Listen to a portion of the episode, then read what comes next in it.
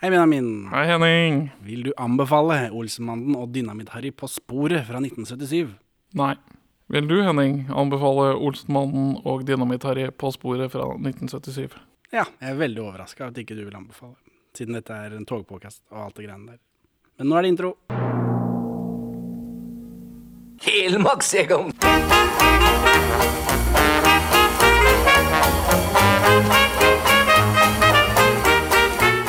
Perla for svin.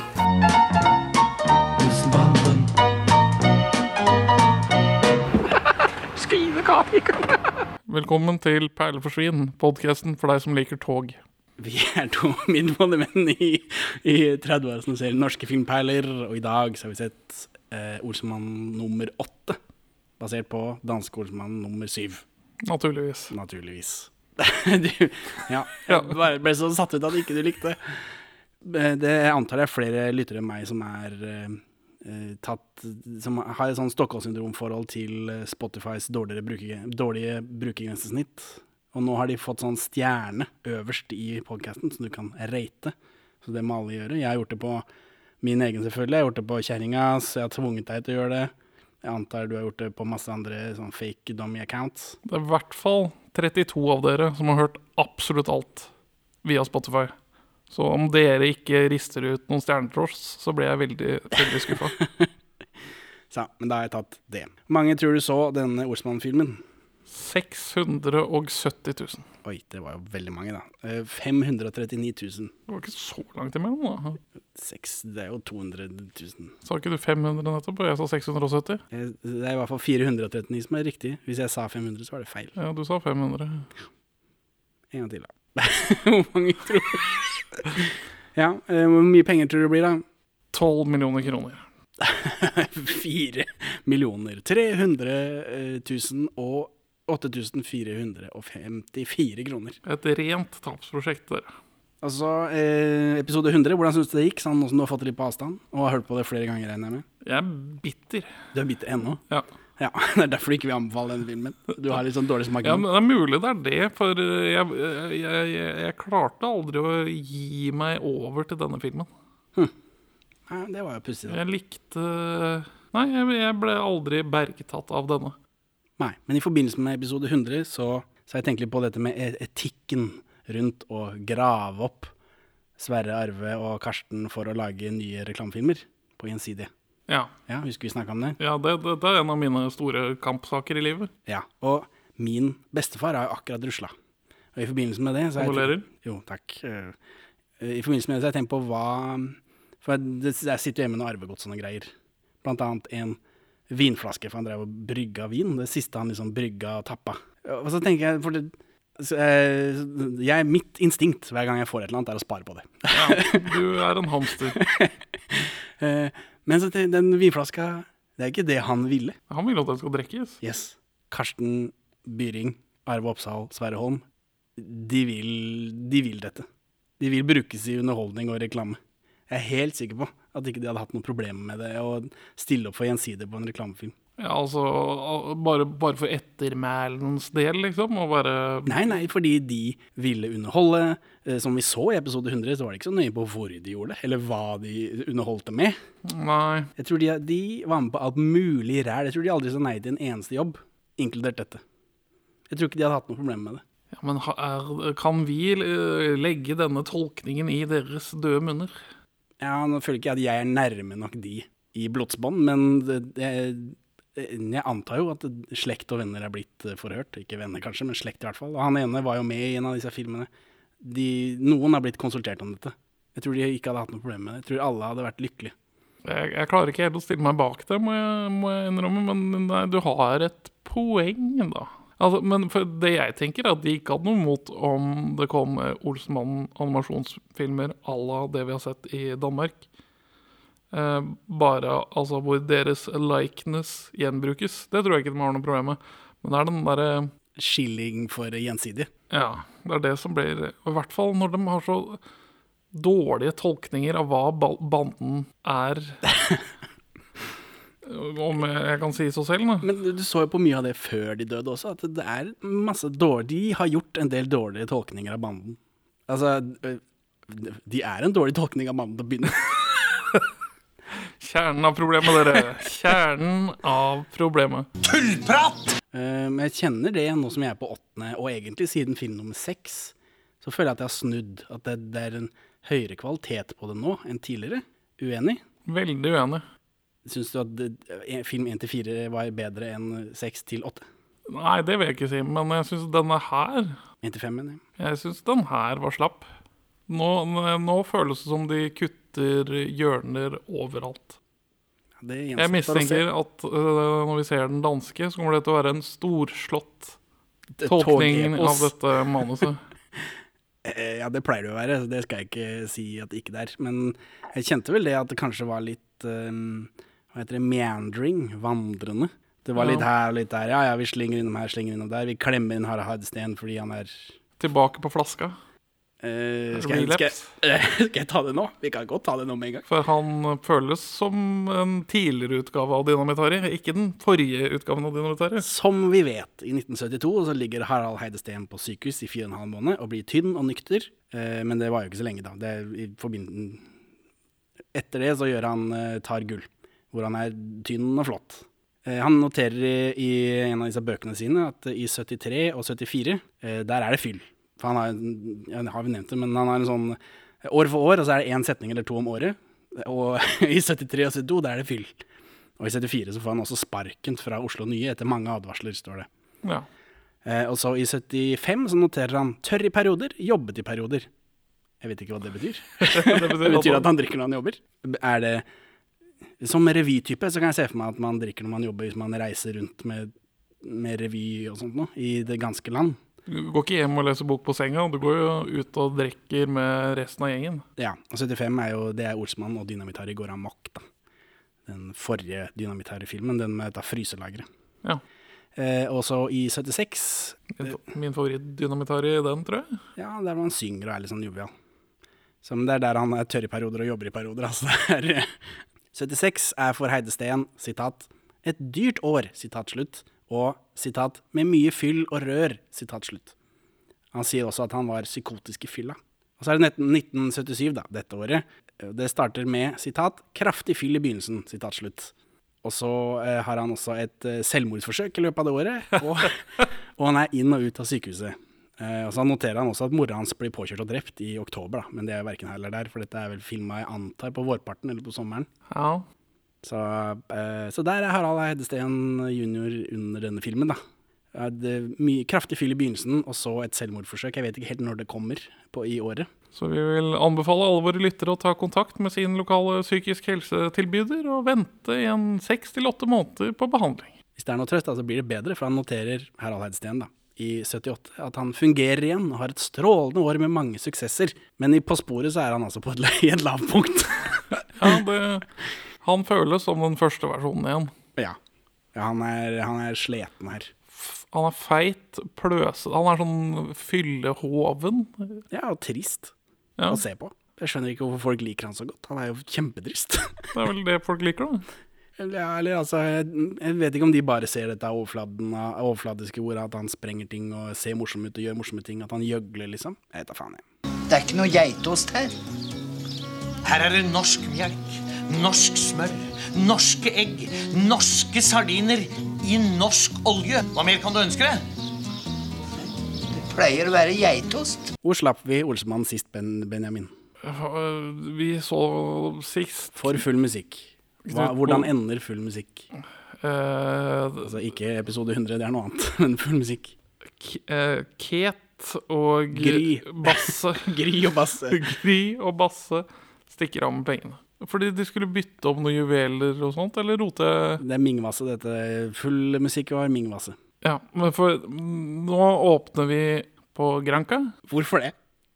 Det siste, det siste vi så, var at, de, at Gry og Basse stakk av med pengene, og at eh, Egon Olsen eh, satt igjen med reisekofferten deres som var full av klær. Som han trodde var millioner i. Det er jo dette Olsenmannen Extended Universe, da. Hvor det er jo ikke alle kuppene de deltar i, som ender opp på filmen. Oh, der er det sånn der. Det, Det er det som er forklaringen. hvor, langt, hvor, hvor lang tid går det mellom når den forrige er på kino, og når den her er på kino? Ja, nå har jeg ikke datoene på meg, for jeg har ikke med meg den boka, men eh, det er jo et år imellom, da. Ja, som forrige er fra 76. Det stemmer. Dette er fra 77. Ja. Knut Bovim, din slappe dritt. Hva er det du du- Hei, hei, hei. Hvor, altså, gi oss én slengsetning i, det minste, da. Altså, riktig måte å gjøre dette på, Henning, er å Det er ikke meningen at du skal binge dem. Mora di er det ikke meningen at skal binges. Eh, riktig måte å gjøre dette på er å ha en slengbemerkning til et skikkelig kult kupp. Sånn at man blir sånn åh, fuck. Fantasien bare florerer, og man får en rikere et rikere bilde av Olsenmannen. ja, men det er ikke sånn, som det skjer her. Vi har 100 millioner kroner. Men grunnen til at vi er i Spania nå, er fordi siste bedrifter slutter med at eh, de setter seg i fly, og så kjører de av gårde. For det er jo den eh, hvor danskene ser rett inn i kamera bare, og flyr inn i solnedgangen med sånn tekst, og så levde de lykkelig alle sine dager. så de drar jo til Spania. Ja. Og så har vi hoppa over en film. så i forrige film så begynte de bare i Oslo uten å forklare hvorfor. Og så avslutter de også i Oslo, men denne filmen så begynner de i Spania uten å forklare hvorfor. Fordi de er lagd i feil rekkefølge. ja. Men vi følger jo som sagt den norske rekkefølgen. Så Naturlig. dette eh, gir egentlig ikke noe mening, men man kan jo tenke i sitt stille sinn da, at de har dratt etter Basse og Gry, og så eh, likvidert dem eller sånt, for de er ikke med i denne filmen. Nei, nei, nei. De er bare borte vekk. Ja, og så tatt pengene, da. Skål da, dere. Skål da. Skål. Nei, men Egon, det var jo to uer, Egon. Orker det denne varmen, da? Hvis du vil at det skal gi mest mulig mening, så må du se i dansk rekkefølge. Men dette er norsk filmpodkast, så vi ser i norsk utgivelsesrekkefølge. Vi setter oss inn i hvordan det var på 70-tallet. Ja, Å ja, ja. gå på kino. Endelig. Å se en uh, Norsemann-film. Men er virkelig Olsenmann-filmene så slapt bearbeidet i gåseøynene at de hadde hengt bedre sammen om man så de norske i dansk rekkefølge? Nå har vi jo opplevd to ganger at de har stokka rekkefølgen, og begge de to gangene så har filmen endt med at Olsmann drar til Spania, og i neste film så er de bare i Oslo, og så filmen etter der igjen, så starter de i Spania. To norske, ganger har det skjedd nå. så de norske filmene kommer til å gjøre seg bedre i dansk rekkefølge? Ja, for da slutter de iallfall å starte på samme sted.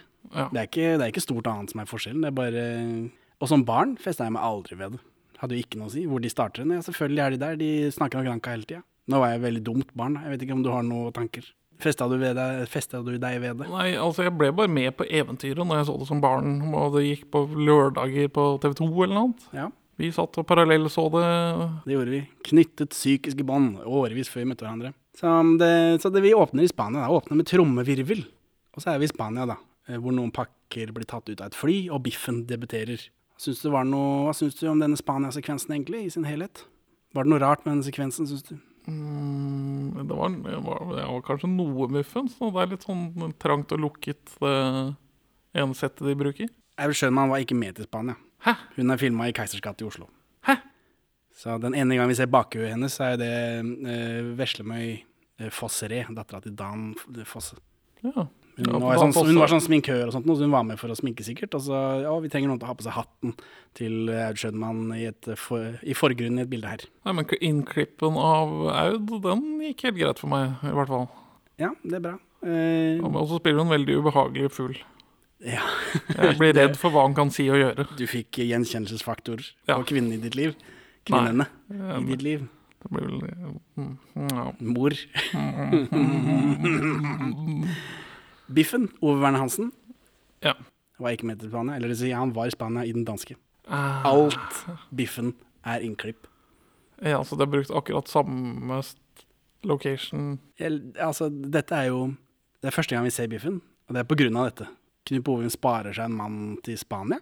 Jeg antar at det er derfor. Ja, men så fører han opp regningen for han. Og så Hvem er det han skal føre opp regning til? Det er jo han som skriver ja, da, regnskapet det, for seg. det, Det det, må bok, det må jo bokføres til hva som skal skattes også Og der. sånn, ja. Det er, det er derfor disse pengene er rene tapsprosjektet for Knut Bovim. For at han er en svindler og en charlatan. Uff a meg. Nei da. Ikke, ikke bare. Jeg, lik, jeg liker Knut også. Jeg bare syns han er litt latt. Jeg vet Mm, Jeg har jeg, jeg driver og flytter, så jeg driver og graver opp bøker av kassene mine. Og det er noen der, bøker der jeg må lese litt mer i. Men det er jo veldig fascinerende at de bare lever livet sitt, og så starter de filmstudio, og så, og så får de Norges mest sette film med en gang, og så bare tøffer de av gårde i 20 år som Norges eh, ledende independent-studio. Indie-filmen 'Olsenmann'. ja, Det er jo liksom uavhengig, da. Som ikke, de har jo ikke noe eh, De har jo ikke noe eh, tentakler ut i norsk film, eller norsk film har ikke noe tentakler inn i dem. NRK er ikke noe De er helt uavhengig av det norske, tungtrådde bistandssystemet. Ja. Så, men som sagt, jeg må lese mer på det, for Ja, jeg kan uttale meg ordentlig om det. Men jeg har blitt overrasket hvor venstrehåndarbeid Olsmann er i Ja. forhold til de danske. Men jeg visste jo ikke det før jeg begynte med dette. Og det er ingen andre i Norge som vet det. Nei, det virker ikke så Nei. Så imponerende, samtidig som jeg ble skuffa når vi begynte med dette. Men nå føler jeg at jeg kommer meg over det, fordi jeg syns filmene begynner å bli bedre. Og så har jeg kanskje skilt de mer fra hverandre. Jeg vet ikke. Ja, nei, ja, jeg, jeg er vel Jeg er vel i en annen del av sorgprosessen av å se alt opp som mannen. Det kan hende. Det er én sekvens her da, hvor de har en Biffen-stand-in. Jeg vet ikke om du så det. De, vi filmer Arve Oppsal, og så panner vi over til en bakket bakketopp et stykke unna, hvor det er en Biffen-type. Ja. Eh, Det er Per A. Anonsen, som var bodydubberen til eh, Ove Werner Hansen her. Så han er produksjonsleder, da. Men han var den som ligna mest sånn kroppslig sett ja. til å stå på en bakke et stykke unna. Den, det er vel ikke så rart i denne fyllik-produksjonen ha en body look-alike for Så sånn er det. Du la altså ikke merke til at Aud Schønmann er filma et annet sted, og Biffen er tatt fra en helt annen film. Nei. Nei. Du rister på hodet, sier jeg. Det, er, det er, lar seg vanskelig overføre til podcast. Så men det er det er godt håndverk, da. Spørsmålstegn. Det er Ja. smooth. Ja, Smooth. Det er veldig smooth. ja, du sier det som ikke det er det, men du la ikke merke til det. Jeg, jeg, jeg, jeg satt og så på filmen uten å fokusere ordentlig, tror jeg. Nei, Øynene på kryss og tvers. nei, det tror jeg ikke. Jeg visste det, og øh, det henger sammen. Ja, men altså, jeg hadde ingen, ingen reaksjon på det, og jeg pleier å ha ganske god snute for muffins. Så, så sånn er det. Ove Werner Hansen, Biffen. Han laget kokebøker og sånt også, i tillegg til å være operasanger, da, som vi lærte i forrige i episode 100. Og det drev Sverre Holm med også, men han tok ideen fra han. Fordi han så at ah, jøss, her er det bare en random fyr som lager kokebøker, det kan jeg gjøre også, tjene noen kroner. Ja. Så det gjorde han. Disse pakkene som går av flyet, ankommer bandens flotte villa, for de er jo millionærer. Bor i en flott villa sammen, av en eller annen grunn. ja. Det er fordi det er, de er banden, da. Ja, men altså, ikke, Har vi ikke noen løse kilder på at Benny og Egon kommer fra barnehjem? I hvert fall Egon kommer fra barnehjem ifølge Olsmann junior. Ja, men jeg, jeg tror de sier det i den første filmen òg. Det kan hende. Jeg husker ikke den Olsmann 2, Uh, hvor de griner. ja. Så de har vel begge store tilknytningsvansker, og har Kjell og Det kan hende. I dag var det som hele soveværelset fullt av hvite mus. Så tok jeg meg en Bloody Mary, altså. Så gikk det bort med en gang. De spiser norsk frokost. Men ikke G35. Nei, for Kjell savner eh, brunosten, da. Han syns det er trist. Eh, og de har badekåpe på, men hatt. For sånn er det i Spania. Benny er tom for penger, selv om de er millionærer. Ja, mange millionærer. Ja, Og Egon kommer med denne kofferten da, som han har håndjern på, som alle penger er i. Og så, og så kommer Valborg ut, og hun er drita da, og så sier hun Soveværelset var fullt av hvite mus, men de ble borte etter en Bloody Mary. Hva betyr det? Hvite mus? Å ja, hun har vel noe sånn uh, alkoholkremens da, av å ha sovet og dermed ikke drukket. Men er ikke det, er ikke det elefanter man ser? Rosa elefanter? nei, Hvite mus? Jeg, tror, jeg tipper hun har bare sånn prikking i synsfeltet fordi hun er såpass alkoholforgiftet at Hun er marinert. Ja. Alkoholmarinert. Ja, det kan hende. ja, for hun kommenterer jo på det senere at hun hadde alkoholproblemer Ja, de ja, ja, ja, det er jo fint at de sier det etterpå. Så da, da tenker jeg med en gang på Harald Eide Steen, selvfølgelig, men.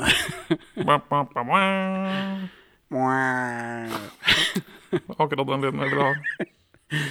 Eh, Egon er oppgitt, da, fordi de har jo ikke Det er fordi Kjell maser om den der brunosten. Og da panner her kommer det hvor vi panner over til Biffen som spionerer på de eh, på en høyde, som da ikke er Ove Verne Hansen, men Per A. Anonsen. Og Benny klager over at han er millionær, men alltid blakk. Og det skjønner jeg jo. Og Kjell ville gått på jobb hver dag om ikke han hadde hatt millioner, sitter han og snakker om. Og så Ja. sier de andre nei, det mener du ikke. som liksom det høres fælt som om det var fælt. Og Benny sier at de bør investere pengene, og her blir vi introdusert da for et firma som tydeligvis har tatt kontakt for å liksom gjøre noe med disse pengene. Ja, for det er Helt hemmelig at de er rike får det jo ikke vært hvis de sitter i en Kembo-villa. Nei, og dette firmaet er vel De har kontakt med Biffen. Ja. Så det virker jo som det er de de har stjålet pengene fra i siste bedrifter. Selv om det går dårlig med akkurat eh, Det er vel en aksjemegler eller noe sånt. Ja. Og det går dårlig med akkurat han, det virker som dette konglomeratet. Fordi Hvis ikke så hadde jo ikke de kjent Biffen eller visst noe av dette. Eh, Men for her, eh, her får vi da se et sånt tomt eh, hotellkompleks som skal bygges, tydeligvis, eller har stoppet i oppbygging. Det er bare skall av en bygning. Det er liksom bare påler og etasjer. Men eh, Biffen roter rundt oppi der, slående bilder. Spørsmålstegn? Ja, det, det, dette, dette var en god eh, kulisse å bruke. Ja. Så han, og det er tatt fra en danske dame. Han ringer hjem og rapporterer at han har funnet dem, da. Funnet Olsmannen, så nå skal han liksom gå til aksjon. Og Olsmannen sover siesta i varmen, og Biffen tømmer da svømmebassenget som Egon sover i, så han kommer jo ikke opp etterpå. Og så kommer kommer Biffen opp mens alle ligger og sover, og så klipper han håndjernet til denne eh, kofferten, og så tar han med seg kofferten. Og Egon våkner da nede i bassenget, for den kofferten har han låst eh, opp på land. Og så, eh, og så våkner Egon, og så driver han og hopper, for han kommer jo ikke opp, da. Humor Jeg husker det var gøy som barn, faktisk, den scenen her. Ja, Du husker det? Ja. Det blir jo litt en, en, altså, Det er jo slående å ha han nede på Det er et slående bilde å ha han nederst i bassenget der, men den stigehoppinga, det blir liksom Men Egon sier det er ikke noe stress, for han kjenner igjen Biffen. Hvorfor det? Dette er første gang vi ser Biffen. Nei, Vi har jo sett Biffen før. Nei, protobiffen har vi sett. Torgils Mo. Han har en sånn eh, strikka jakke og eh, felleskjøpecaps. Nei, men Biffen var jo sjåfør enn forrige, var han ikke det? Nei. Nei, nei, det er i den danske, så er han sjåfør. Ja, I den danske så har Ove Verne Hansen vært med i flere filmer, spilt mye, mye rart. Men han har også spilt Biffen, da. Det er, det er jo en rest av at de bare har blåkopiert eh, det danske manuset, for i Olsenmannen Olsenmannen sier er bedrifter, så er det jo Ove Verne Hansen som spiller Biffen. Ja. Mens i Olsenmannens siste bedrifter så er det Torgils Mo som senker Egon i vannet i denne bøtta. ja, men uh, her er det veldig mye Egon vet, som ikke vi får vite at han vet. Som kommer på en sånn liten remse nå. For altså, et, altså Valborg er så full at hun klarer ikke å kjenne igjen Biffen, eller se Ser Biffen. dobbelt. Haha. Ja. Rope etter gutta, gutta kommer. De henter Stige istedenfor å løpe til Biffen. ja, for de trenger ikke, fordi han veit hvem det er. Han veit hvem Biffen er. Han veit hvem han jobber for. For de Ja. har jo møtt hverandre før, da. Ja, så har de vært på sånne Sånn forretningsmiddag med Biffen, hvor han prøver å selge inn prospekter for de, sånn at de skal investere. For, for dette hotellet. Ja, for- det er jo for- fordi Egon har vært kidnappa av Biffen før, da. I Danmark. Men det er jo en annen biff i Norge. Det er, det er jo protobiffen. Torgils Mo. Ja, men altså det, Det er bare en kontinuitetsfeil som kommer med fordi de ikke har gjort noe med det danske manuset. men, men Benny snakker jo om at uh, han vil at de skal investere pengene i det firmaet som han, ma- man setter i. Ja, Og det er Firmaet har tatt kontakt, men vi så jo, det er ikke Biffen som har tatt kontakt med dem, for han kommer jo av flyet nå. Okay, Ok, på ja. av filmen. Men hvordan vet Egon at han jobber for det selskapet? Jo, for han har jo vært kidnappa, da. Danske-Egon har vært kidnappa. Så jeg vet ikke hvordan eh, Akkurat hva som har skjedd mellom scenene der, sånn, det kan jeg ikke Hvorfor er si ikke mesteparten av pengene i en bankboks? Det er mye tryggere å ha det lenka til hånda, det skjønner du. Det skjønner du. Men, Men men, Egon vet at eh, Biffen legger penga i safen til dette firmaet, da. Fordi han vet jo hvilke firma han assosierer med. for det er ett kontor som er ferdig i en av disse bygningene. Ja, men det er et slående bilde, da. Ja, Om ikke annet. Og der står det jo selvsagt et Frans Jæger-pengeskap. Selvsagt. Og her kommer det en veldig klassisk Frans Jæger-scene, hvor han liksom legger seg inntil og hører på. Fint bilde og greier. Det bildet er, eh, det bildet er forsida på den Olsmann-boka. Ja. Den norske. Og så her får vi se at de faktisk har vært på samme stedet, da. For her er det jo filma de norske skuespillerne i den samme eh, boligblokkopplegget. Men Biffen er ikke så dum, så han, eh, han ser de, at de holder på med dette greiene, for han står jo langt unna, og så ringer han politiet. Han ringer det fascistiske spanske politiet. Det stemmer. La policia. La Policia, eller det er jo 77, da han rusler i 75, eh, Ja. Franco, så da er vel da er alle rester av fascisme er borte. Ha det bra! Det var den det var så lenge det varte. den siste statuen ble revet i fjor, tror jeg. Kan hende. Det har jo vært, han har ikke vært litt sånn inn og ut med dette gravstedet hans også. De har en sånn æresgravplass han blir, lagt, blir lagt på og, og fjerna fra, sånn eh, litt avhengig av hvem det er som styrer. Men, men nok internasjonal politikk. Det er ordsmannen som gjelder. Og, men så her kommer politiet, da. Og her kunne jo brukt denne eh, 'hallo, det er fra politiet', spanske vitsen igjen, men det gjør det ikke. Så det er, det er restraint. Ja, for dette hadde jo Dette hadde jo vært third times the charm, typ. Eh, Jo, men jeg tror ikke det gjelder hvis det er over tre forskjellige filmer. Nei, Da tror jeg ikke den rule of three gjelder. nei, det er sant. Så um, Egon ser rett i kamera, og så blir han tatt. Boom! Så er det Botsen-shot med main title og rulletekst. Egon kommer ut. Det er ingen bande som venter. Eh, ja, så er det noe, Rulleteksten er litt annerledes enn vanlig. For nå står det Er det folk som er kreditert for bearbeiding av manuset. Er det, det er det vel vanligvis ikke. Ja, Det har jeg ikke tenkt noe på. Jeg bare så at det kom. det var Andreas Diesen og en annen. Uh, De er kreditert spesifikt for uh, bearbeiding av dialog. Yes. Ja, ja, men det er jo bra, da. Så dette er vel første gang en Olsenmannen-film er ærlig om Eller på en måte ærlig om hva som har skjedd med manuset. Ja, At det, det er tatt fra et annet sted, tenker du på. Ja. Og så Og så går han forbi en bauta. Så står det 'Prøv å være trofast mot det beste i deg selv'. Hva er dette? Er det noe som er der på ordentlig? Jeg tipper, tipper det. Har du vært der? Du som bor i Oslo? Ja, ja. Gå forbi der ukentlig. Ja, har du sett om den står der, da? Nei, det må jeg sjekke neste gang. Men får vi en metavits her om at filmen liksom er over? For det er en pause i titles. ja, jeg vet ikke hva det var for noe. og så føles det som om rulleteksten Ja, For det er pause, og så kommer den der steinen. og jeg tror mot det beste selv, og det er for noe. Så fortsetter han bare å gå, og så kommer rulleteksten igjen. Ja, for det, det, det er vel vitsen at Egon leser det og tar det til seg, og så blir det ikke noe kriminell løpebane lenger. Og så er filmen slutt, siden han tar dette, er trofast mot det gode i seg selv. Mot det beste i seg selv. Men jeg vil jo anta at han syns det beste i seg selv er at han legger planer og er lur. Ja, Jeg tror ikke han, det beste i han selv er at han eh, jobber på Tuborg-fabrikken. Nei. Sånn som han gjorde den gangen.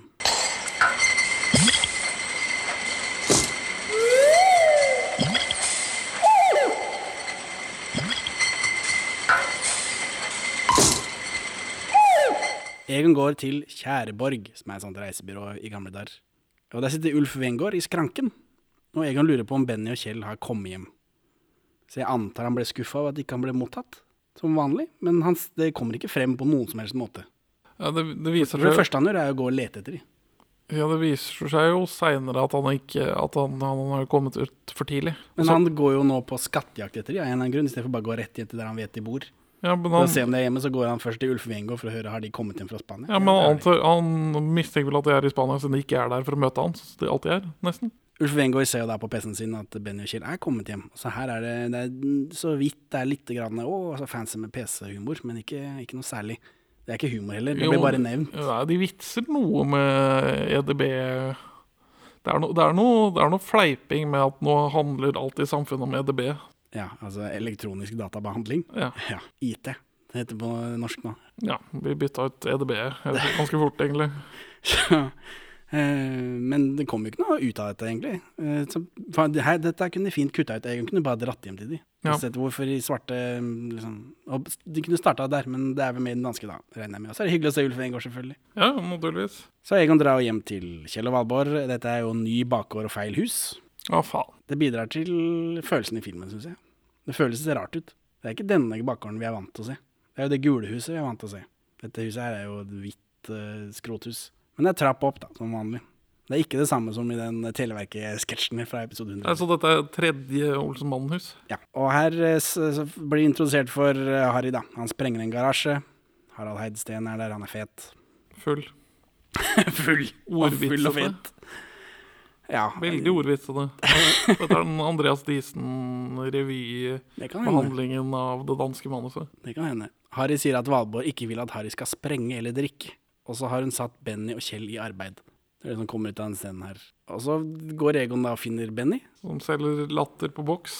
Ja, Illegalt på gata. ja. Han har ikke løyve fra, Til å selge ting på gata, nei. fra politimyndigheten. Eh, så du nøye på disse boksene? Boksene Nei. de har dansk flagg på. Har de det? Ja. De har lånt den der rekvisitten fra Danmark. Virker sånn, virker sånn. Det er tre kroner for én, og så er det tre for ti. Det høres ut som en dårlig deal. Kjempemorsomt. Veldig. Benny nevner Odd Gryte. Kjenner du Odd Gryte? Det ringer en bjelle. Han var programleder i de seks første Melodi Grand Prix eh, norske da, eh, finalene. Men eh, han er mest kjent fra programmet Husker du? spørsmålstegn. Som, som, som gikk da mellom 71 og 85, og er en forløper til Da Capo. Det var et program for gamliser. Ja. Benny rømmer da når politiet kommer i Volvoen sin. Han tar med seg det brettet med latterbokser og jeg vet ikke. Det, det er rart. Benny gjør narr av planene til Egon, selv om Benny er med. ja. Han, begynner vel å Bli høy på seg selv nå som han liksom tjener sine egne penger. Nei. Har sine egne ting gående. Han begynner vel å ane mønsteret etter hvert. da. At ja, ja, jeg er med på å prøve, men jeg holder ikke pusten. Nei. Så nå kan vi like greit kødde litt med det. Men de hadde jo millioner sist. Og så er det Kjell, da. Han spiller lirekasse i en bakgård med ett ben, ett øye og én arm. Så her tenker jeg liksom har Valborg eh, eh, hva er Invalid forsørger Slumdog Millionaire, husker du den? Ja. Der er det en sånn unge som liksom synger så pent, og for at han skal tjene ekstra mye penger når han tigger og synger, så gjør de ham blind. ja, De tar øynene hans med en varm skje.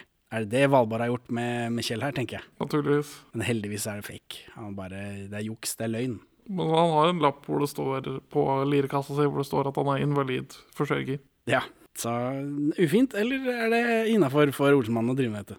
Det er, det er ikke like Blir de mindre sympatiske?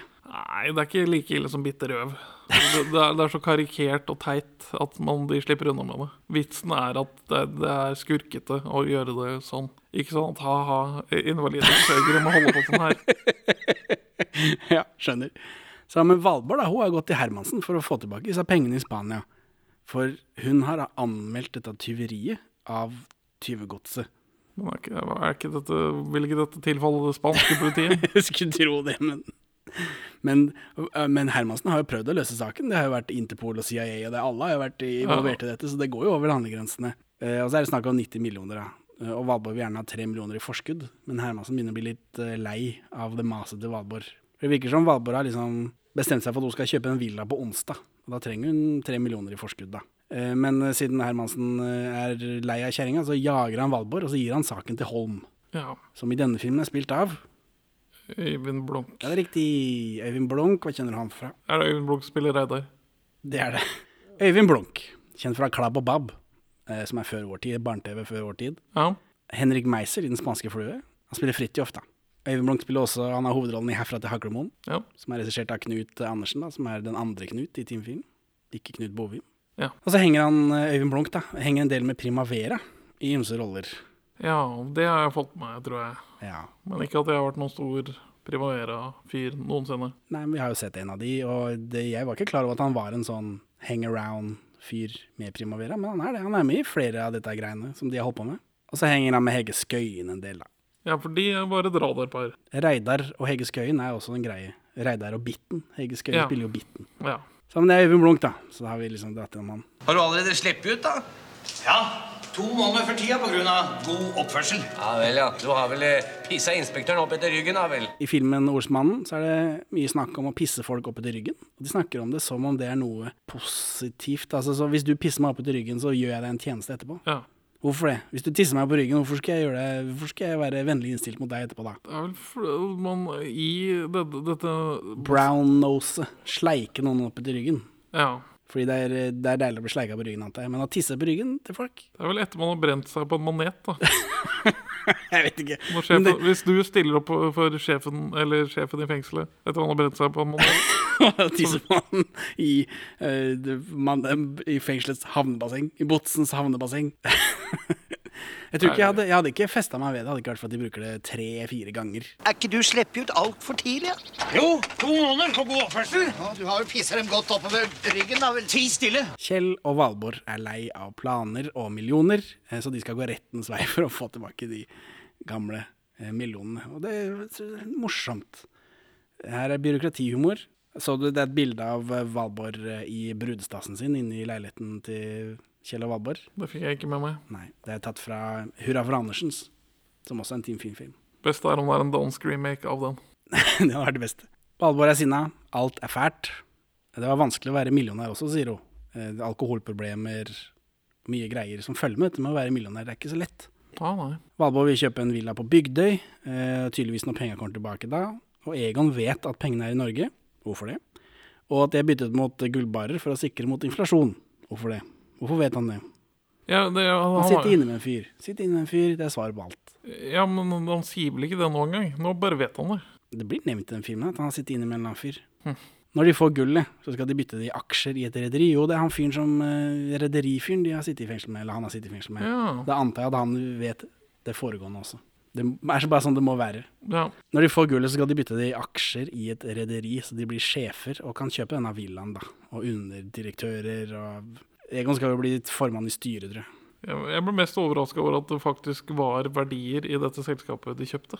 For det føltes som om de skulle kjøpe et konkursbo uten å vite det. Men så var det ikke det denne gangen. Nei. Det var noe annet gærent der, riktignok, men det kommer vi til helt på slutten.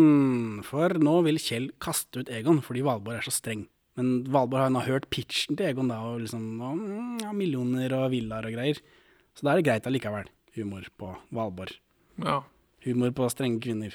En del av avtalen er at Egon, altså mellom Egon og Valborg, for at Egon skal få lov å gjøre dette, så må alt det vanlige, han må inn i fengsel til slutt, alt dette, Ja, hun konkretiserer hva tropene i ordsmannen. ja.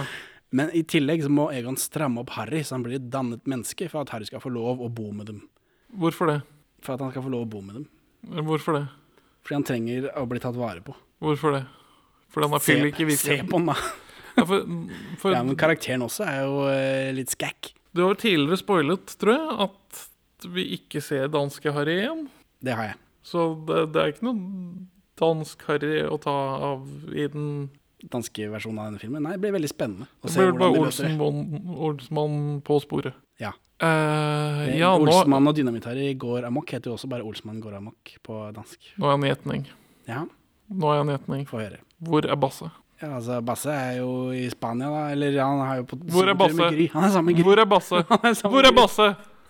Han er sammen med Gry. Hva tenker du på? Nei, det, det De rømte jo med alle pengene. Jeg vet. De er jo på rømmen. De er redd for at Egon skal komme og ta dem. Så Basse I Olsenbanden Norge-universet så lever Basse og Gry lykkelige alle sine dager i det store utland. Ja, Det får vi se da når Basse dukker opp igjen.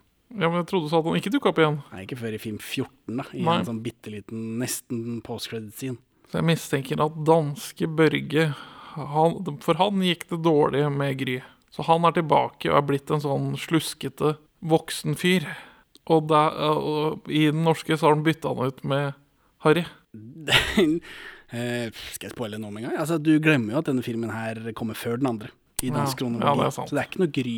Gry kommer ikke før i neste Det film i Danmark. Nei, ikke bry det lille hodet ditt med Nei, det. Vi er ser det når vi kommer til det. Du kom fort ut av fengselet, du. Ja, jeg efterga med to måneder av straffa pga. god oppførsel. Da har du pissa dem godt oppetter ryggen.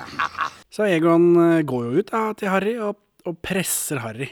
Og det, Harry er kjempetrist, men han blir med på det. Dette var ubehagelig. Gruppepress-type. Altså, ja, ja, sier, eh, sier Harry. Jeg skal ikke være som jeg er. Jeg skal være som du vil. Ja, men skal man bare la Harry drikke seg i hjel, da?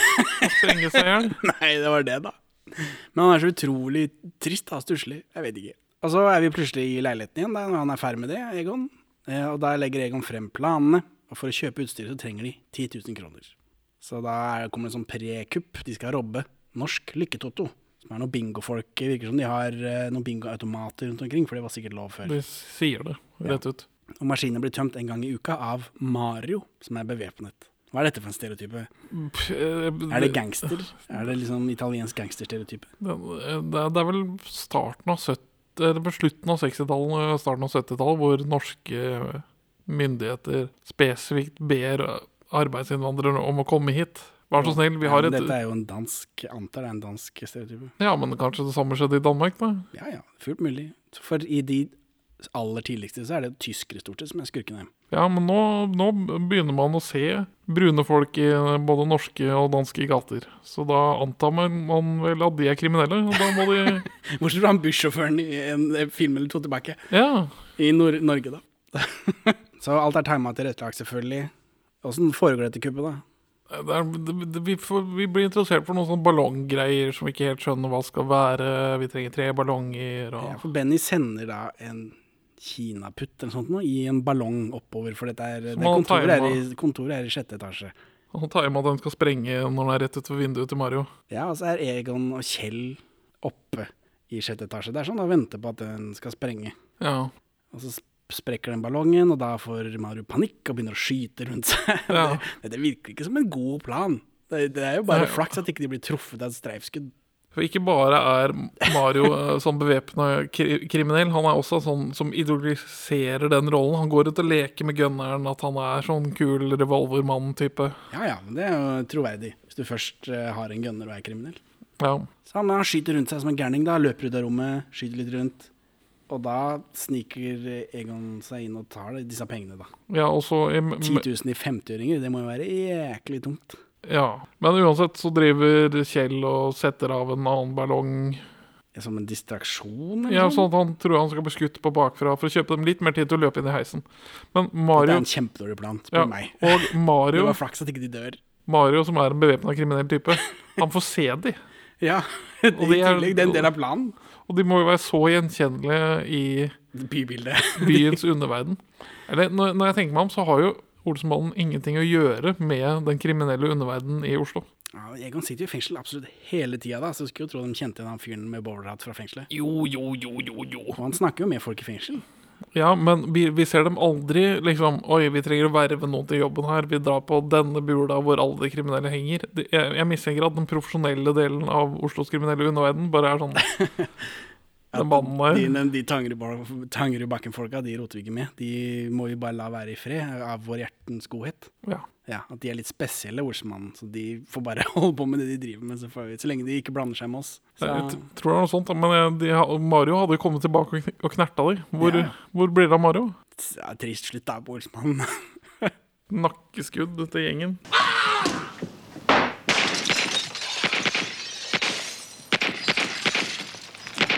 Men det er jo suksess, da.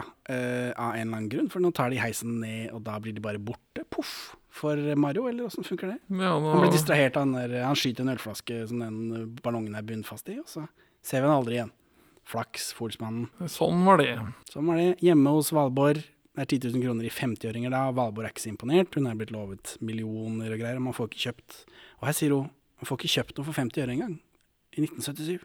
Du, det, jeg fikk kjøpt bugg som for 50 øre da jeg var liten, føler jeg. En bugg på benseren, liksom. Ah, det var tidlig i barndommen i så fall. Ja, ja. Selv buggen kosta en krone. ja nei, du sier kanskje noe der. Er 50-øren Nå, den sånn, men jeg husker eh, disse eh, smågodt og sånt nå. Den gangen det var sånn kiosker hvor smågodt var bak disken, så du måtte peke 'jeg skal ha den for 50 øre'. Da kunne du få én. Én sånn sjokoladeknapp, husker jeg. det du har fått i dag? Altså, selv panteflasker er jo én krone da jeg var liten. Så det ble, var jo sikkert to, da. Jeg, fikk, jeg fikk kunne få bugg for panteflasker. Så de 50-ører, ja. Jeg husker de ble borte, og godt er det.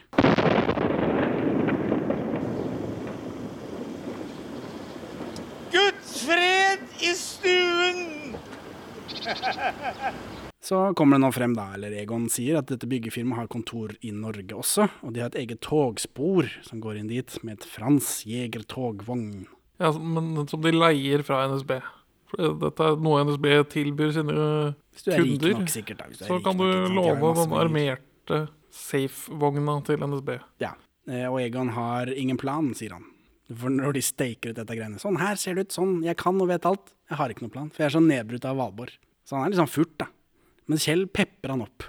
En for alle, og alle hver for seg. Humor. Så da blir han gira, da. Jo da, han har en plan allikevel. Jeg vet ikke helt hva dette var for noe, var det bare for han trengte litt bekreftelse? Han, han, har, mm, han er, feiler jo ofte, da. Han Han kommer seg aldri helt i mål, liksom. Nei, Jeg vet ikke, Han kommer i mål støtt og stadig, og så går det skeis i neste film igjen. Hvis det bare ikke kommer flere filmer, så går det jo bra. det er det som er problemet, at de fortsetter å lage filmer. Så, men den scenen som er her nå, nå dette er togrunke. her tenkte jeg du skulle være glad. Jeg. Det gjør ikke noe for deg. Det er jo det ene toget etter det andre. Han forteller at det kommer da, det treffer da, det er masse tall bokstaver. Ja, men han snakker bare om numrene de har i NSBs rutesystem. Han snakker ikke noe om typen lokomotiv og sånn. Nei, men her regner jeg med at du skulle supplere, da. Så god jeg, jeg er ikke togentusiast. ikke? Nei, Hvorfor snakker du om tog hele tida? det, det er jo litt gøy med tog. Men jeg er ikke togentusiast. Jeg er mer en en sånn vannskientusiast. Vann, vannskientusiast. Nei, men altså eh, Dette er den første Olsenbanen-filmen hvor det går over til å være helt og holdent en barnefilm. Var det ikke det sist også? Jeg synes sist, så er, var- sist var jo veldig barnlig. Ja, men jeg syns denne her var enda litt mer barnlig, og gjort for mindre penger, tror jeg. Jeg syns, jeg syns hele filmen føltes billig. Er det så mange fylliker i barnefilmer, altså? Ja. I gamle dager, tror jeg. ja. Så vil hun dresse meg opp, og så vil hun at jeg skal gå inn i renholdsbevegelsen. Avholdsbevegelsen, mener du vel? Ja, Nå kommer den første scenen til Ove Verne Hansen i Norge, da. Ja. Biffen holder oversikt med gullasten som går inn i vogna. Og det er ikke noe mer spennende enn det. Jeg ringer til sjefen sin og sier at dette går bra. Dette går kjempebra. En del av planen er at de må ha et knaggebrett, Olsenmannen, som de henger opp inne i pausebua, kantinebua til NSB, som da NSB-folkene henger jakkene sine på, og så tar Olsenmannen jakkene. Hva- Var det knaggebrettet, var det så gøy at de måtte ha det med? Jeg vet, jeg vet ikke. Var Som en unnskyldning for å komme seg inn dit. liksom? Eller var det ikke noe sted å henge jakkene før de kom opp dit? Nei, det var jo ikke det, men de henger det knaggbrettet på døra, da, så de kan bare åpne døra, ta jakkene, og så lukke igjen døra igjen. Ja, det er jo for så vidt lurt, da, men Hvor hang de, hang de jakkene på stolryggen før? De hang jakkene på stolryggen før. Dette, Ja. dette er en lur film. Lur film. Eh, Så her eh, Nå tar de jo disse uniformene, og da får vi Sverre Holm i NSB-uniform, så dette er en sensasjon prequel. det er det jo. det er det jo. Vi fikk ikke annen uniform sist, nei. Eh, Ikke nå, men han har gjort det før. Har på seg lua. Ja. Så eh, banden Nå er det ikke noe snakk om hvorvidt de kan kjøre tog eller ikke. Nei, for nå er det bare opplest eh, at de kan kjøre tog. Det, det er kjempedårlig. Sist gang måtte de hente inn Basse. Basse måtte lese seg opp og løse oppgaven han fikk. Jeg mistenker, uten at jeg har sett den danske, at det er Basse som kjører tog i den danske. Som, og, som kontinuitet, liksom. At eh, Basse, du er vår At det er derfor ikke de nevner med et ord i denne filmen. Basse, Basse kjører vel ikke tog i Danmark, han kjører båt, han. Ja, det er sant. Jeg trekker tilbake. Faen, ass. Nei, da veit jeg ikke. Det vet jeg ikke. De bare gidder ikke. Se, du roter, du òg. Ja, du kan- roter, du Jeg kan ikke for det. Det er bare en svær suppe av ord som. Dette har vi nærmest ikke tid til. Så banden, da. Ved Benny kjører av gårde et lite tog, uten at vi får vite at Benny har lært dette av Basse, men det får vi bare anta. Han er jo bandens kjøremann. Ja, han, Benny er sjåføren. Han kjører ting. Og så er vi på Grorud. Banden kjører inn på tomta, og Egon kjefter på en fyr i fabrikken. At liksom, 'Nå er vi her for å hente den der eh, vogna deres', og han fyren i fabrikken sier 'nei, nei, men du skal jo ikke komme før', bla, bla, bla. Jo, men vi er her nå, Ja. så du får dette får gjøre. Men dette er jo realistisk, da. Altså Social engineering er jo Dette vet jeg du er glad i. dette, dette er jo sånn mye av verdens ran og lureri foregår. Bare lat som at du har autoritet, og du får den. Altså, er Kjell innimellom disse vognene, vognen og toget? Bogien, tror jeg det heter. Er det det heter? Jeg tror det heter de greiene, de festepunktene. Ja. Eller, eller så er det det som er under toget, hvor hjula sitter av det bogien. Ja, ikke vet jeg. Det ser iallfall farlig ut, og han er litt bekymra for å bli påkjørt, for å bli klemt mellom disse. Her kunne vi mista Karsten Byring, det er jeg helt sikker på. Ja. Han gjør det en gang til senere også. Han er like bekymra da, og det skjønner jeg. Og så kommer det en enda lengre togrunksekvens til musikk. Hvor de kjører tog, det går tog forbi, de penser. Karsten Byring må hoppe ut, må gå ut og pense om, og så må han hoppe på i fart hele tiden. Det ser veldig farlig ut. Og så, og så stakkars Karsten Byring, da. Ja, han er jo ikke så aerodynamisk formet. Han ser ikke ut som han liksom tar det lett. Det ser ikke ut som han løper så mye til vanlig. Nei. Og så drar Benny fram en sånn latter på boks, boks når de står inne i lukket der.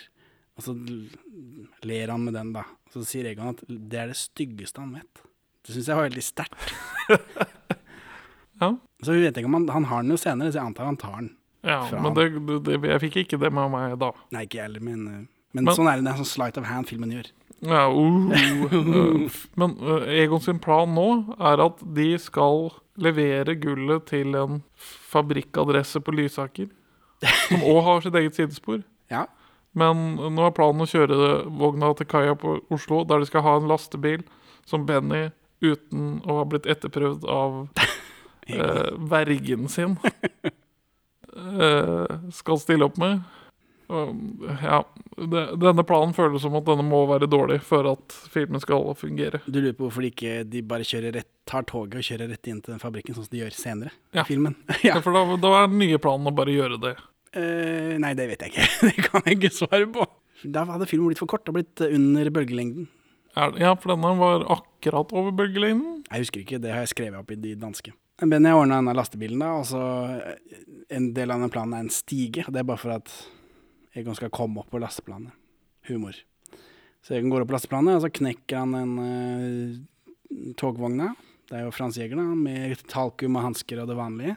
Og gull er veldig tungt, så Benny og Kjell klarer ikke å løfte så mye. Og så får Benny den gullesken på foten, og det må jo være veldig vondt. Det må være veldig veldig vondt, men ofte så kaster man jo bare gullbarer som om det er ingenting i film. Da. Så dette er jo at Olsenmannen er et veldig realistisk filmunivers. Absolutt. Så er vi til Hermansen, da. Han er på kontoret fortsatt. Så her begynte jeg å jeg frykte at jeg, Eller her følte jeg at eh, Hermansen var morsommere før, når han var Mortensen Hermansen. Når han var ute i miljøet og gjorde ting. Nå føler jeg han bare sitter på kontor. jeg. Ja, for nå- ja, nå har Hermansen vært en slapp type ganske lenge. Ja, etter at de bytta fra Mortensen. Han er mye bedre når han er ute og farter og er litt psykotisk. Og... ja, Vi får se da om det tar seg opp. Men for nå er han stort sett bare parodi på det ineffektive politiet. Ja, Han var vel det før også, men da var han veldig aktiv som ineffektiv. Ja, det er litt morsommere enn Hva enn dette er. For nå skriver han sang. Han skriver sang til sjefen fordi han er Dette liker du. Dette liker du. Dette blir du glad av. Men altså, her gjør de i hvert fall narr av det. Altså, her er poenget at sangen er ræva og jævlig, og det er ræva og jævlig at alle folk driver og skriver fucking sanger når det skal være noe events. Ja, for grunnen til at Hermansen holdt på med den sangen, er fordi han eh, Dette med å løse saker har aldri gitt noen noe i politiet. Det er avansement som er det viktige. Så han har jo da tatt på seg å være sjef for politiutfluktgruppa, eller noe sånt noe. Og for at det skal være helt perfekt, så må det sang til, og hatter og neser. Hvis de absolutt skal oppklare forbrytelser, så må det skje i fritiden. For mens eh, vi titter innom Hermansen og han driver med den der dumme sangen sin, sangen sin, så har Kjell og Benny lasta masse gull. Det var ikke noe problem dette heller, det var et problem, men de har jo fått det til. Hvorfor blir ikke Egon med for å få fart på sakene? Han, Han er sånn- leder til Han, altså, han er jo bitte liten i Danmark. Det er sant. Han kan jo ikke bære noen ting. Kanskje han prøver i Danmark, men han er sånn oh, jeg, jeg lille, jeg lille. Han vil ikke drite seg ut i Danmark, da. Eh, Men, eh, men nå som de har lasta så mye, så er de slitne og vil ha pause. Hvorfor skjønner de ikke alvoret? Det er, det er, eh, ja, det Ja, er, for- som, det er som resten av Oslos underverden. De skjønner at dette her er noe raringer. Ja, for Kjell og Benny de blir som barn som ikke liksom skjønner Ja, det er millioner og alt dette greiene. Hvorfor ta i lite grann? Ofre deg lite grann for en gangs skyld? Herregud. Men så kom politiet på runden sin, da, i Volvo selvfølgelig. eh, Og da får Kjell beskjed om å hoppe fra denne vogna og ned på lasteplanet, og da knekker den bilen, da. For det er en veldig skral lastebil Benny har Det skaffet. Eh, Banden klarer riktignok å rømme, men gullet blir jo stående igjen da. Og, men når Karsten Karsten hopper ned på der, den knekker, og det ser litt sånn skummelt ut. Det gjør det. Men uh, Tore Torell hadde sikkert tålt på det. Du sier det er jo en running joke vi har i podkasten, fordi Tore Torell er stuntkoordinator på At dere tør. Ja. Men han er stuntkoordinator på Nordsmann-film også, så det kommer etter hvert. Det gjør det. Det gjør det. Så gøy. Men denne vitsen fungerer jo antageligvis mye bedre i Danmark. Fordi Kjell i Danmark er et berg av et menneske. Da får vi sikkert noen hyper slow-mo-film, og så får vi liksom se fettet hans bevege seg oppover mens han hopper, og så Mest sannsynlig. Ja. Så vi kan jo bare glede oss. Eh, Men mens bandene holder på med dette, de stikker av, så er vi inne hos Hermansen, og han driver og synger denne sangen for Holm, da. Og Holm prøver å jobbe, for han er en sånn seriøs go-getter-type. ja han, han har jo fått oppgaven med å jobbe med Aud Schønemann sin sak. Ja, og han gjør det også. Så Holm vil jo gjøre noe i saken til Valborg, da. Og her får vi dette at Hermansen snakker om Nei, du slutter å drive og gjøre ting. Du- Det er avansement, det er det som gjelder. Og Hermansen sier da at hvis Holm absolutt må oppklare forbrytelser, så får han gjøre det på fritiden.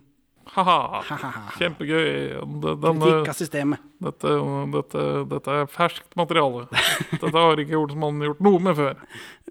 Nei, det var det. Men det gjelder jo ennå. Ja, ja, det gjelder, det gjelder mer i dag. Ja, altså Men jeg, jeg, jeg går jo til filmen for å rømme fra virkeligheten, ikke for å få den trøkka ned i halsen. Benny har vondt i ryggen hjemme hos Kjell, da. Og Egon kjefter, og Kjell ligger jo også flatt på sofaen der. Benny sier Kjell er feit, som er en vits som funker bedre i Danmark, mistenker jeg. Ja. Eh, Egon går og sier at de ses aldri mer. Så det var slutten på alle Olsmann-filmene.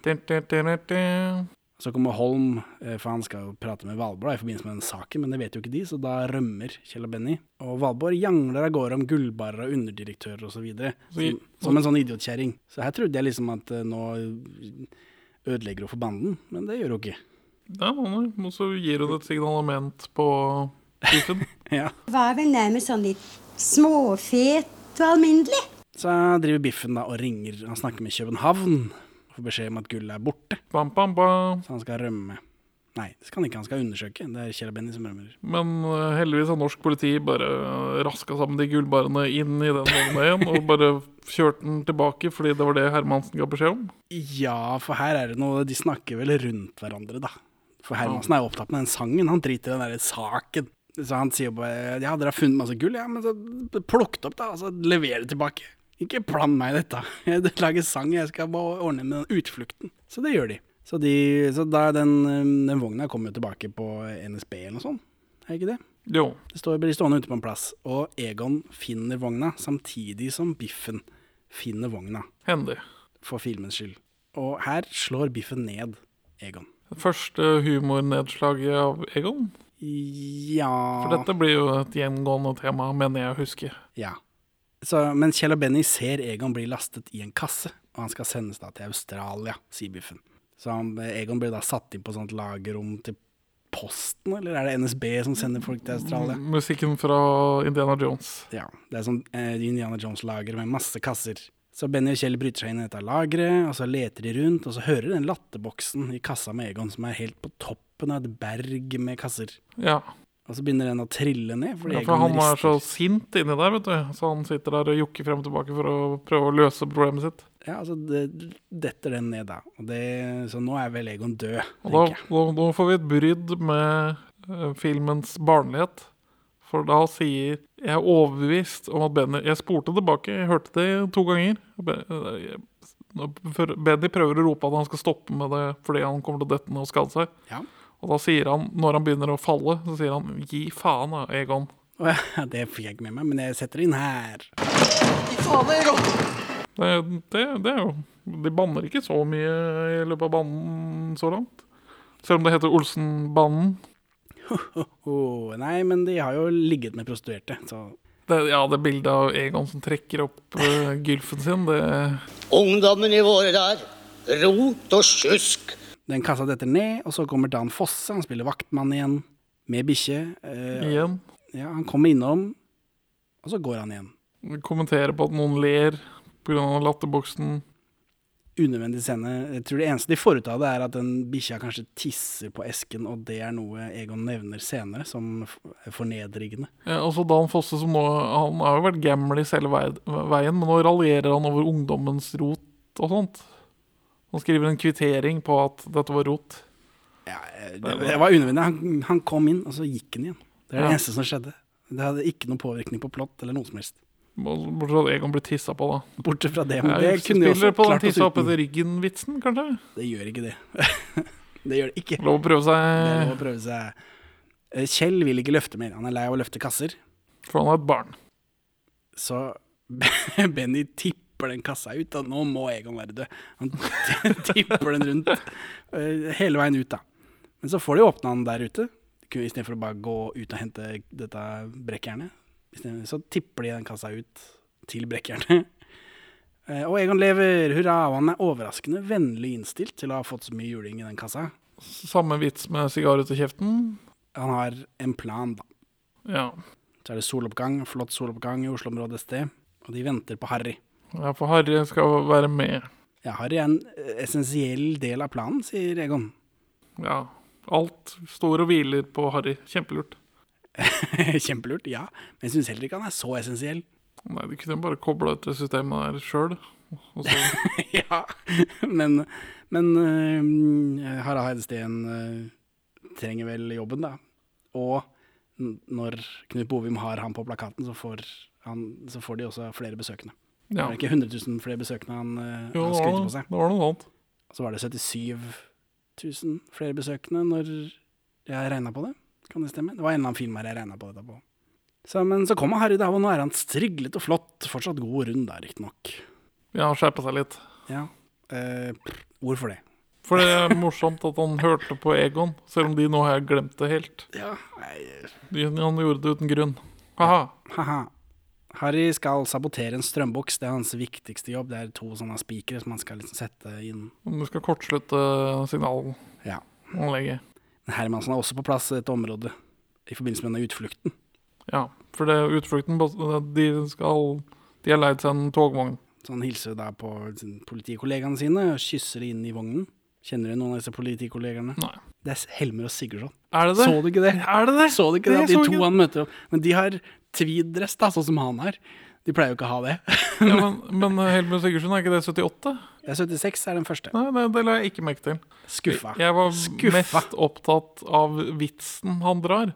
Og det er at uh, han tror at et av de store trekkplasterne til turen Mulig han tok, tok den vitsen tidligere, men jeg drev og tenkte mye over det. At det store trekkplasteret til turen er at han har fått med seg kvinnene fra sedelighetsavdelingen. Sedelighetsavdelingen, ja. Sedelighet? Sedelighet? Ja. For det er heite damer som jobber der? Hva De, eh, de har jo sett mye greier, da. De kan mye, Ja. antar jeg. Men ja, det er Helmer Sigurdsson Extended Universe, Olsenmann Extended Universe, inkluderer Helmer Sigurdsson. ja, det er gøy. Willy Hoel, husker du han? Ja. Han som driver Lefsa i de to første. Mhm. Kom innom Harry og låser den sikringsboksen da, som Harry skal koble ut. ja. Og Harry friker ut, eh, men det går bra. ja han, han jokk-humor-løgner seg til å få åpna den boksen igjen. Og Will, men Willy Hoel nekter å gå, som er sånn typisk sånn gamle gubber som bare skal følge med litt. Bare skal titte litt. Eh, og så får, får vi se da Hermansen venter på Holm, som kommer løpende med hatter og neser. Så han fikk de hattene nesten sine. da. Ja, for Holm måtte legge fra seg kriminalsaken for at han fikk dette. opptak i Ja. Og så ser Biffen er der og ser denne vogna av gårde. Han liksom Nå! Nå er, liksom, nå er ting på stell, da. Og så driver Harry og jangler med Willy Hoel, og så får han Willy Hoel til å ta sikringa. Det var mm, morsomt. ja, men, det blir veldig sånn revysketsj, da. Ja, det blir jo det. For, for Harry påtar seg autoritet igjen, da. Det er dette. Ja. Han sier at han er fra hovedkontoret eller noe sånt, og da er liksom alt greit, plutselig. Og så henter Olsmannen vogna, men politivogna med det fulle politiet som synger, er imellom der hvor de hekter på, og Frans Jæger-vogna. ja, Frans Jægeren er ikke bakerst, det er den politivogna som er. Ja, så de må ha med seg den politivogna også. Og det går helt greit. For de har ikke skjønt at det er en politivogn ennå. Den har ikke sirener. Nei, for så vidt. Og så er det også, vi får se i bakgrunnen her at det er sommertider nå, så vi begynner å ane da, at her er det noe galt. Ja, det, det byttes om det byttes om til sommerruter, men det var ikke sommer når Egon satt og pugga NSB-ruter i fengselet. Nei, så nå liksom Dette går skeis. Det skjønner vi. Så når banden kjører rundt eh, med vogna, da, og så får Egon se at Hermansen er i vogna. Så han blir jo da liksom forskrekka. Vi må kvitte oss med den der vogna med masse politifolk i. Men Egon ser, Hermansen ser ikke Egon, da. Så de får pensa bort den eh, politivogna inn i en sånn Frydenlund-hall. Ja, ja for de, de, de Altså, jeg vet ikke om du husker Frydenlund har også tog rett inn i fabrikken. Jeg vet ikke om du husker den Sjusjøya-ulykken for sånn ti år siden eller noe? Eh, Ja, hvor de, det, det toget eh, blæsta gjennom et- lastebiler og det som var etter tom, tre stykker eller sånt. ja, en tom lastevogn som bare dundra nedover Lodalen og bare møkka gjennom anlegget på Sjusjøya. Å slippe en fullastet togvogn bare i nedoverbakke, det er ikke spesielt etisk. Men det gikk jo bra, fordi det blir jo bare drita av disse her det rekker politiet sånn som andre folk. Kjempegøy. Dette går ikke an, Holm. Nå må de passe jobben deres. Hvordan skulle jeg klart meg uten hatter og neser? Men nå har banden vogna, men siden det er sommertider, så er det liksom ikke noe av dette som stemmer. Og Egon er jo litt sånn betutta på at liksom, her har jeg pugga og ordna, og statsbanen er så flott, og alt er tegna tilrettelagt, men det er faen meg ikke noe som kommer i riktig retning her. Ja, og, og eh, ikke på riktig tidspunkt, så de holder på å bli drept en del ganger her. Ja, det blir nesten påkjørt, så Kjell svimer av, da. Og hvis dette her er en sånn danske vits hvor han tar på seg en annen personlighet igjen, så klikker det for meg. Ja. Fordi han, I ble- Danmark, når Kjell svimmer av, så våkner han alltid med en annen personlighet som er utrolig irriterende, og det orker jeg ikke. Eh, Så går det opp for Egon at det er sommertider, og da kortslutter han bare alle lysene. Så alle tog står, og alle er forvirra. Det er jo en god løsning, da. For så vidt. Det er bedre enn å bli drept, i hvert fall. det er sant.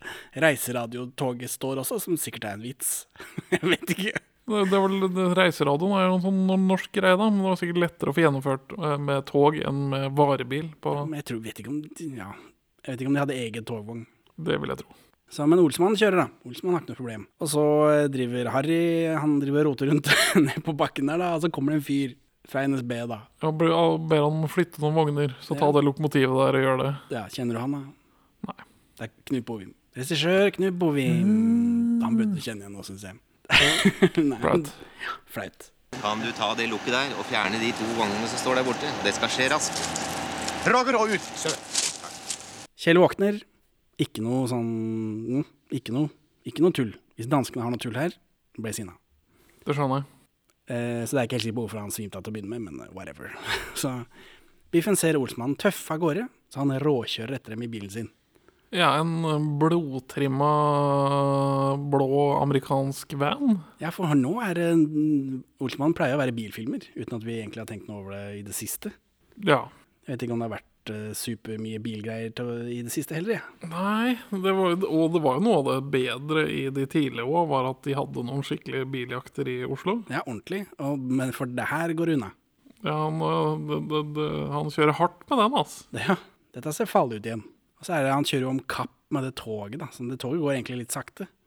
Ja, Men, han, men det går inn sånne der togveier som ikke fins i Oslo sentrum lenger. Som Nei. bare er til toget, så han liksom må rygge og kukker og ordner, da. Hva syns du? Imponert?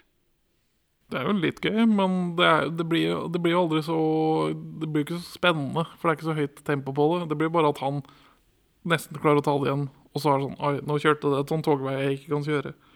Og så gir han seg på å kjøre på togsporet mye før det han burde. Når han først har brutt den hinna der, så syns jeg han godt kan kjøre i stykker bilen. ja, det var det han var redd for, regner jeg med. Kjører på disse plankene. Ja, men eh, det, det hadde jo vært litt gøy. Kanskje. Men han, han fucker jo masse med den fyllmassepukken til Ja, det så jeg til Statsbanene der. Fy søren. Jeg håper de rydda opp etter det.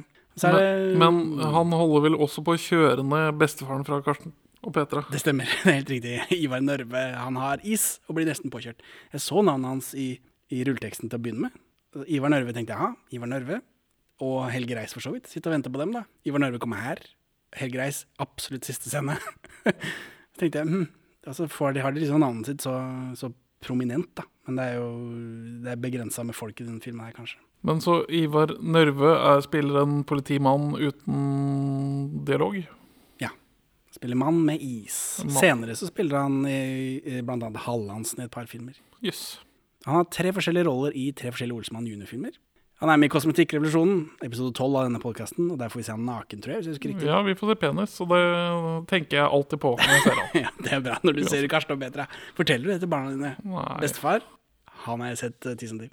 Hm, hm, hm. Men så er det Harry, da. Han sliter litt eh, på dette toget. Nervøs type, han er i... Ja, for uh, nå driver han bare og rygger. At, altså, vi får en sånn DU6 har i harrymaskina.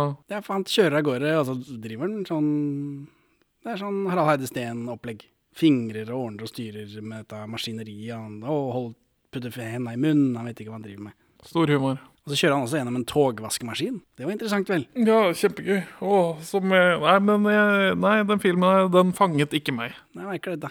Toget går langs festningen, og så kommer Biffen etter deg i bilen. eh, Og han kjører nesten på Ivar Nørve, som du sier. Og han mister av isen sin, Ivar Nørve, og så tar han på seg en sånn politilue, så det tyder at han er politi. Så nå er politiet involvert. Og så stopper banden, og så takker de Egon og sier fy søren, og vi klarte det. Tusen takk, Egon, du er så flink. Det var litt, litt tidlig. For er Biffen Nei, de, de takker Egon mens de er i gang, de har ikke stoppa. Og de kjører av gårde, toget går over Rådhusplassen der, og Biffen kommer etter. Og Benny har denne latteren på boks, og da er det liksom greit, for nå går det så bra. Så da Mhm. ler de og koser seg. Og så parkerer Biffen på sporet foran dem. Ja. Og her får Egon mord i blikket. Ja, Kjør på den. Ja. Kjør på den. kjør ned. men vi har jo hatt mer gønner enn det pleier å være i Olsmann, så kanskje det blir litt mer gritty da, etter hvert. Ja, bare et sånn blodtåke som er igjen av Biffen, når de blæster gjennom. Ja, Problemet er jo at de ikke har noe momentum. Da. De har jo stoppa, og så har de liksom Og så står han der og Men de starter igjen. Ja. De, de, skal jo de skal kjøre på han. Men så snur de uten at vi får vite hvorfor. Men så viser det seg at det er jo Harry som kommer andre veien i Ja, full panikk. har de sett det, da? Ja, de har gjort det, da. Ja, jeg, jeg fikk inntrykk av at de feiga ut fra å drepe Biffen. Ja, nei, jeg tenkte å, her skjer det noe som de filmen vil at jeg som publikum skal lure på. Ja. Og så, å faen, det er fordi det er, han kommer der, ja. Og så blaster Harry gjennom denne bilen. Det blir bare småbiter igjen. For søren, Egon. Hva, hva gjør vi nå, da?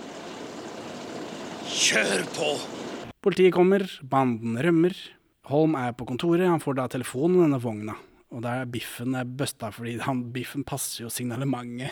En enkel lubben fyr eller noe. Ja, Det er noe Helt vanlig lubbenfyr, og det er han akkurat. Yes! Og masse gull. Ja, og det er jo han hun beskriver i tillegg. Og da norsk politi er så redelig at de, disse, disse, dette gullet skal dere få returnert på en valgfri adresse. Det skal statsbanene stå for. Ja, Alt løser seg for Olsmannen.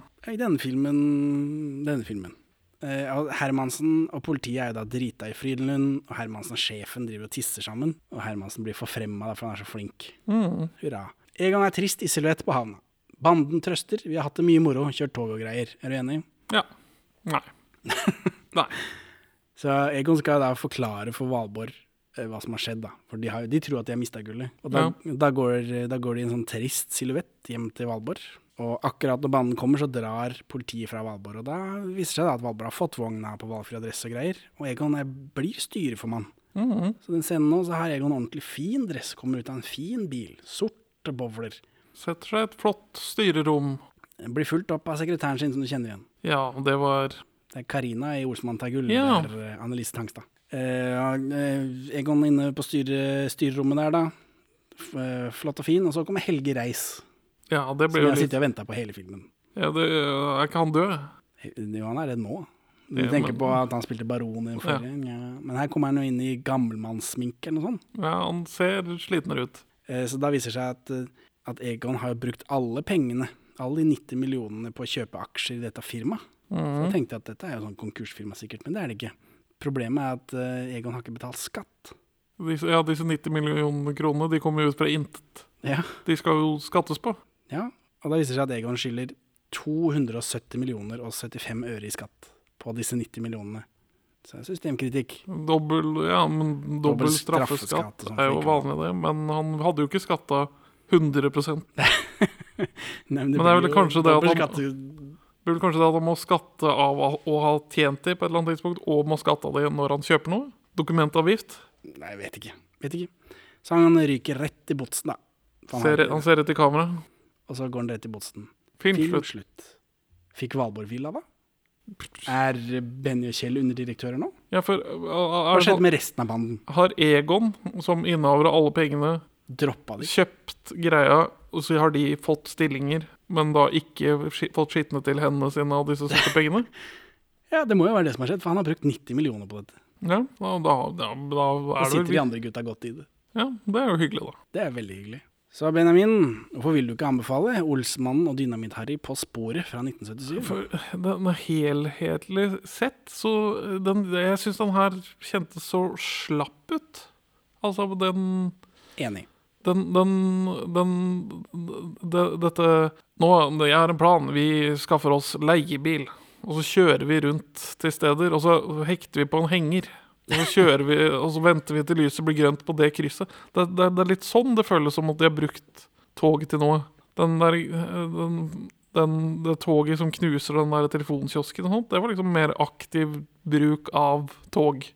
Mens her er det liksom bare Vi har Ja, nei det, kjentes mer ut som en slapp barnefilm. At det, det som allerede er slappe tolkninger av danske filmer, var enda litt slappere. Og det, da, da sleit jeg med å være på lag med filmen. Og jeg har alvorlig Olsenmannen-fatigue etter den klippshowet. Men øh, når de filmer på, på settet, og vi har litt mer dynamisk kamerabruk, i den grad den norske filmen har dynamisk kamerabruk, så blir filmen mer levende og føles mindre som en TV-produksjon fra 70-tallet. Dette eimet litt av TV-produksjon fra 70-tallet. Bortsett fra det shotet som man stjålet rett fra Danmark av de storslåtte byggeplassene, så var øh, filmen visuelt kjedelig. Så mye tog. Jeg var sikker på at du skulle kose deg glugg i hjel. Nei, den andre Olsenmann De to andre Olsenmann-togfilmene er bedre enn denne. For lite Karsten Byring på vannski, si. Benjamin stirrer hardt på Henning. Så Henning, hvorfor vil du anbefale denne? Uh, jeg kan anbefale, ja. Det var helt ålreit. Det er bedre nå. Harry virker unødvendig. Det er litt sånn slapt. Ja, Men det er, ikke, det er ikke så dårlig at ikke jeg kan anbefale det. De, de dårligste Olsmann-filmene er mye dårligere enn dette. Ja, jeg Jeg syns det er bedre nå etter film seks. Kanskje det har noe med at jeg slutta å bli overraska over at de danske er så veldig mye bedre. Kanskje? At jeg kan sette pris på de norske som norske filmer. Men samtidig så var det mm, Det er lavt tempo i denne filmen. Ja, den er ikke noe, den er ikke noe tight eller spennende eller Nei, er- storslått. Jeg tror Harry kunne vi fint klart oss uten. Ja. Og mange av de andre scenene som vi har nevnt. Bare, Hvorfor skjedde det? Bort med det. Så sånn er det. Vi må ranke denne filmen, da. Husker du rankinga vår? på førsteplass har vi Olsmann for full musikk. Ja. Hvor de sprenger seg gjennom Nationaltheatret. da. Og på andreplass er det Olsmannens siste bedrifter, Egon i bøtte. Og så er det på tredjeplass er det Olsmannen og Dynamitt-Harry går amok, fryselager. Og så er på fjerdeplass er det Olsmannen og Dynamitt-Harry, Kari Simonsen-filmen. Ja. Kjærlighet, de, de sitter og griner rundt bordet. Du syns den filmen var flott, jeg hater den. Ja. Og så på femteplass er det 'Olsmannen tar gull. Bun Ja. Bunkers på Sørlandet. Og så på sjetteplass er det Olsmannen møter kongen og knekten. Og så er det på syvendeplass er den første Olsmann-filmen, 'Pupper og horer'. Jeg vil kanskje sette denne rett over den, da. Du vil sette den på altså, nest dårligste? Ja, hva, hva sier du? Nei, det er uenig. Jeg Ja. vil ha den over Olsmann og Dynamitt-Harry. Og under Olsemann Dynamitt-Harry går amok under Fryselaget-filmen, hvor Harry synger og er glad. Ja, det kan jeg vel med på. Da skyver denne inn på fjerdeplass. Ja. Den er grei. Adjø, Benjamin. Farvel, Henning. Takk for at du hører på Perler for svin. Du finner oss først og fremst på perleforsvin.no, men også på Twitter under perler-for-svin, Facebook som perleforsvinpod, eller du kan maile oss på perleforsvinpod at gmail.com. Gi oss gjerne en eh, rating i din lokale podcast-avspiller, og, og legg igjen en beskrivelse, så folk skjønner hva det er for noe tull vi egentlig driver med. Her er ukas Pål Bang-Hansen-sitat ute av kontekst. Og hjemme i England blir hun etterpå forlovet med en toskete mann av det rette slaget. En skål for vårt korps som er tappert og stort. En skål for hver gammel kollega. En skål for vår sjef, for hver bragd han har gjort. Den slags er du snart ikke flera. Lader ungen og sving ditt beger og nyt vår utfluktstur ut i Guds fri natur. Se hvor lystig damene smiler hen. Der hvor sjefen sitter og er helt medlem. Dette er litt sånn den organisasjonen eh, som han slemmingen i Gadget, Mr. Gadget, eh, jobber for. Inspektør. Inspektør. Inspektør, takk. Herre Gadget. Dr. Gadget. Sivilingeniør Gadget. Altså, Gadget har jeg ikke. Han har ikke gått på skole i ti år for å bli kalt Mr. Gadget.